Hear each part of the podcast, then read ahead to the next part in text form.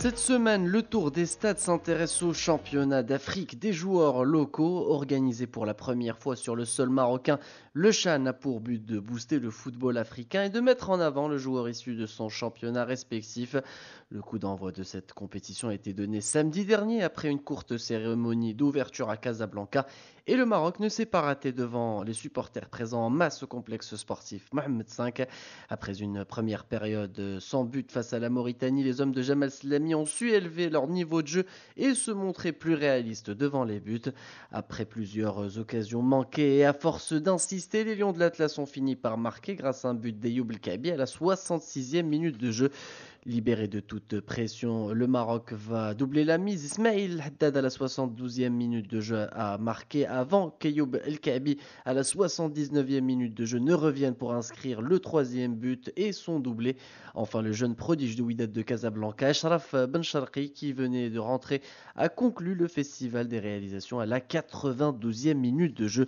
Soirée parfaite pour la sélection marocaine à prime qui s'empare d'entrée de la tête de son groupe A. Le sélectionneur Jamal Slami est satisfait. Il répond aux questions de Jalal Bouzalala. Je pense qu'en première mi-temps, on, a, on, a, on s'est créé des occasions, mais on n'a pas été efficace. Euh, je pense que même l'adversaire, il a bien défendu, même le gardien, il a été bon. J'ai demandé aux joueurs de, rester concentrés, euh, de patienter parce parce qu'on on aura des occasions. Euh, à un moment, en deuxième mi-temps, on a, on a eu des, des, occasions, mais le gardien, il a fait des arrêts super. Euh, j'ai appelé Hafidi, je lui ai dit il faut rester calme, surtout en défense, il ne faut pas libérer des espaces parce que c'est une équipe qui peut nous punir à, n'importe quel moment. Mais alhamdoulilah, le, premier but, il a débloqué la situation. Après, il y a eu le deuxième but. Après, on a eu la chance de pouvoir euh, euh, intégrer Bencharqi, Kerti, Boulheroud parce qu'ils sont aussi des, joueurs importants pour nous pour la suite, de la compétition.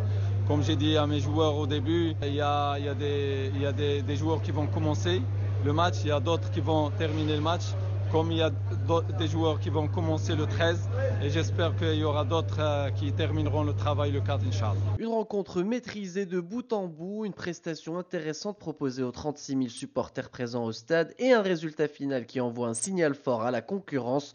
Le Maroc a tout simplement envie que ce trophée reste au pays et les joueurs ont pour l'instant répondu présent à l'image d'Ayoub El Kabi, auteur de ce fameux doublé. L'attaquant de la renaissance sportive de Berkane a fait forte impression pour gagner des points aux yeux de Jamal Slami. Ayoub El Kabi revient sur cette rencontre. J'avoue qu'il y avait un peu de pression. Nous avons essayé de prendre une option dès la première mi-temps, mais c'était sans résultat. Au retour des vestiaires, nous avons mieux appliqué les consignes du sélectionneur qui a demandé plus de réalisme devant les buts. L'ouverture du score nous a libérés et c'est ce qui nous a permis d'inscrire les trois autres réalisations. C'est une belle victoire qui va beaucoup nous apporter sur le plan mental avant de retrouver la Guinée. Le deuxième match sera différent, mais nous sommes plus confiants devant nos supporters, que je remercie parce que leur soutien a aussi fait la différence face à la Mauritanie et j'espère qu'ils seront aussi nombreux contre la Guinée.